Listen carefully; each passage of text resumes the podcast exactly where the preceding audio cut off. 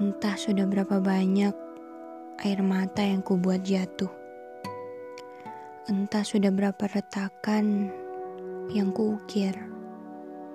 Dan entah ini akan berakhir sampai kapan. Kapan dan kapan. Bukan soal berakhir sebenarnya. Melainkan untuk memulai kembali.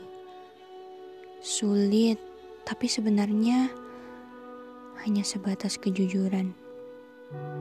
Lalu kapan?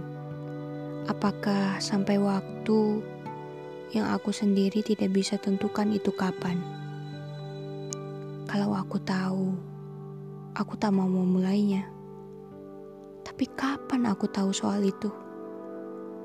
Terlalu banyak bertanya, justru membuat kita makin berjarak. Terlalu banyak diam justru membuat kita saling menyakiti, bukan? Lalu kapan semuanya akan terasa biasa saja? Baiklah. Kapan kita akan saling melupakan? Nyatanya dia adalah pria paling bodoh yang pernah saya tahu. Dan dia adalah wanita yang paling baik yang saya pernah temui. Tapi sayang, semua tidak dapat bersatu seperti yang mereka kehendaki.